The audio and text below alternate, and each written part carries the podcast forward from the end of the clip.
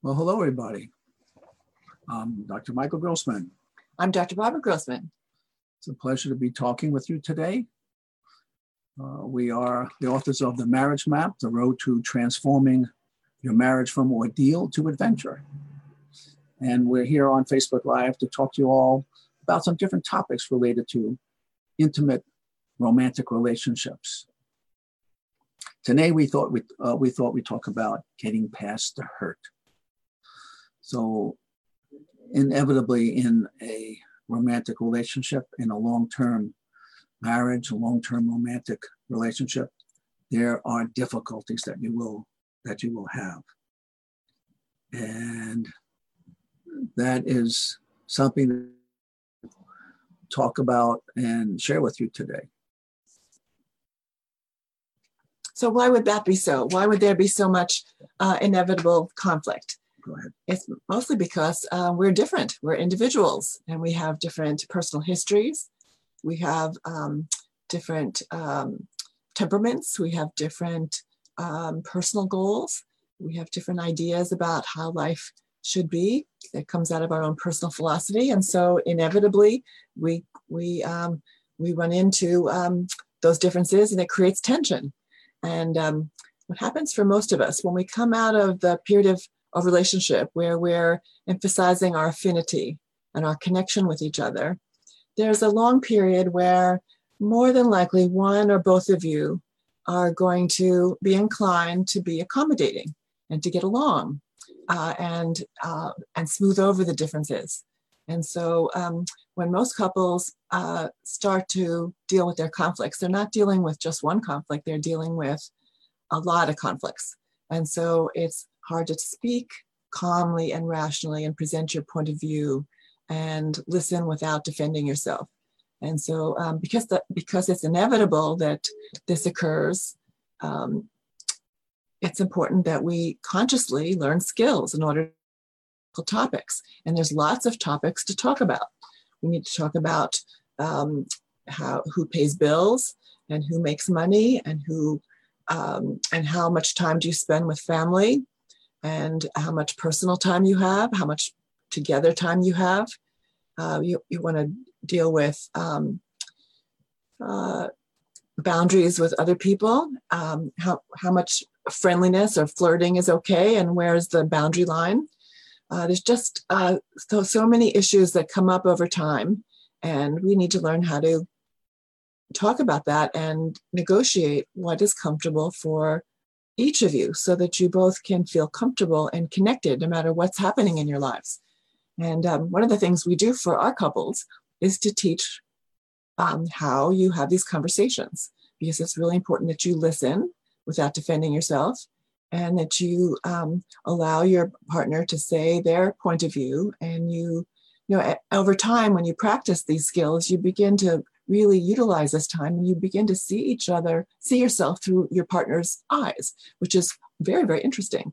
Um, and you get to share yourself. You get to um, really go deeply and understand your feelings what you want what you don't want and perhaps even why that's so. And um, and then you we teach you how to make requests of each other so that you can learn to negotiate what works for both of you. And that way you can partner through life um, comfortably and stay connected. So what we want you to know is that these these um, uh, uh, difficult interactions are inevitable in a long-term romantic relationship. It is going to happen. And don't think that you should replace your partner because now I'm not happy with them because they are um, not so easy to be with now, and that they're not um, they're not um, easy and comfortable. It, it, a relationship is designed to be difficult. It's designed to stretch you. It's designed to move you into a more expanded layer of living. And this is inevitable. It's going to happen when you're two years old, you have certain disagreements with your mother. She does not cooperative. She used to just give you whatever you wanted when you were really little, but now she's got all these rules. You move later to when you're six or 10, and, and you find that, oh, well, I'm part of the family. I've learned to adapt to how it's supposed to be. And, and it's working pretty good. Be 13 or 14, and all of a sudden it's not any good anymore. But it's not like there's a problem with the family. It's not like there's something wrong happening.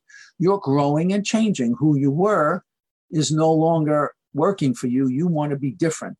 And then that interferes with all your loving relationships. That happens in romantic relationship too.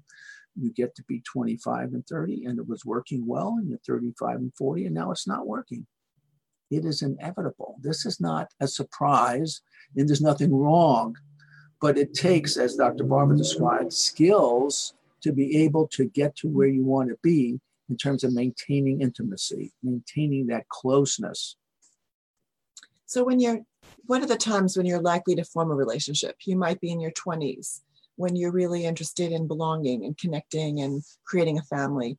Um, uh, so you you create that relationship and you're connected and things things go well for a period of time, and then you get to a place where you want to explore your individual self-expression, where you want to um, create a business or um, do some entrepreneurial um, creative adventure um, that represents your own personal uh, creativity. So you're focused on yourself and you're focused on um, strategy, you're focused on your own project. It's not, it's, it's kind of a thinking time because you have a lot of goals to accomplish.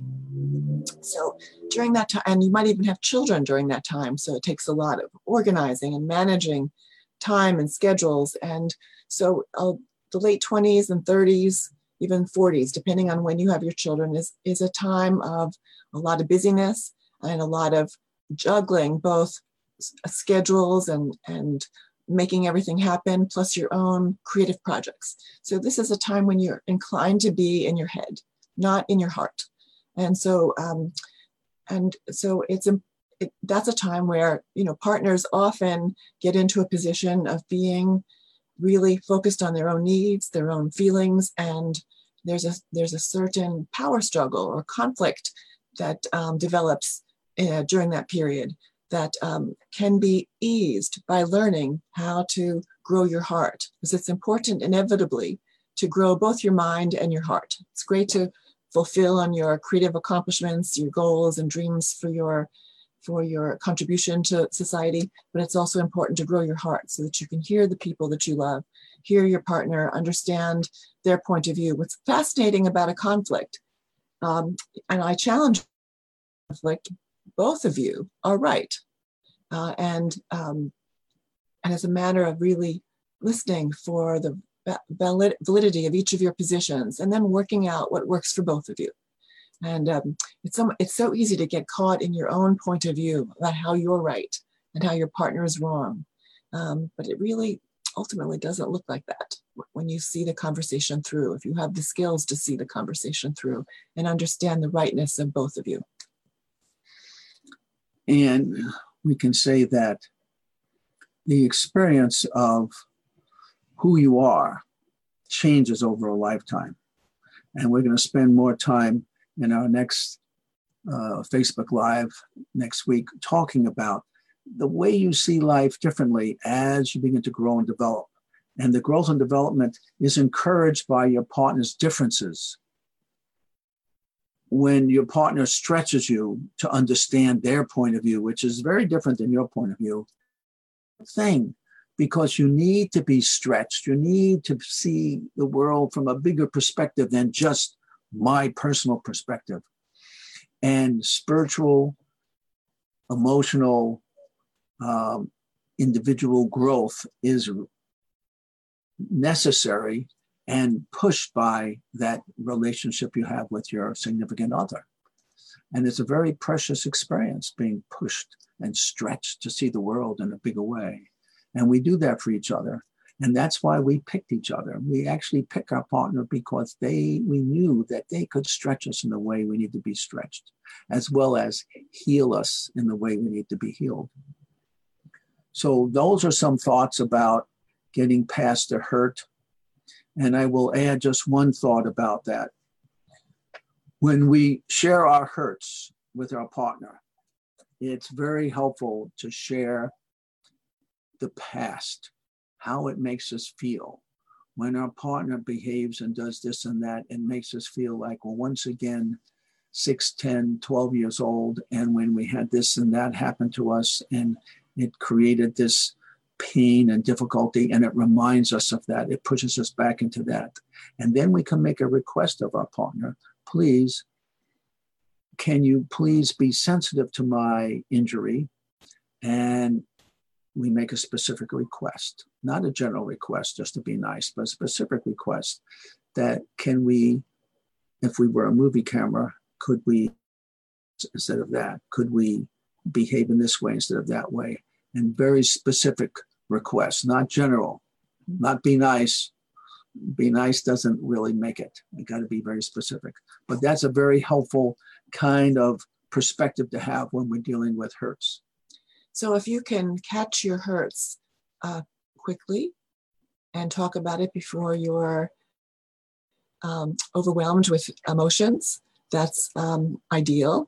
And if you can start sharing what you feel are your differences early and not wait until you have uh, a um, year's worth of, of hurts that turn into resentment, that's even better. We want you to um, not be burdened by um, a um, overwhelming landslide of hurts. If you can talk from the, the specific hurt that you're experiencing right now and share your innermost feelings and uh, and refer to how it connects with your past and ask for what you want, that is the way to make this the easiest possible uh, procedure. And um, if you have, if if that's not your situation, uh, it's very possible that uh, you need support and help to, to share your feelings so that you're constructive in your relationship because um, you know how you respond to your partner's uh, hurts is very very crucial to the future bond in your relationship. You you want to be able to hear hurts and you want to be able to share hurts and respect what you're hearing and feel respected when you're sharing. And if you if your inclination is, is to respond with defense or rationalization or uh, any kind of, of um, disgust, um, that's not going to wear well in your relationship. So uh, I'm we're happy to support you in learning how to to resolve your hurts and learn what works in your relationship so that you can feel respected and loved in your partnership.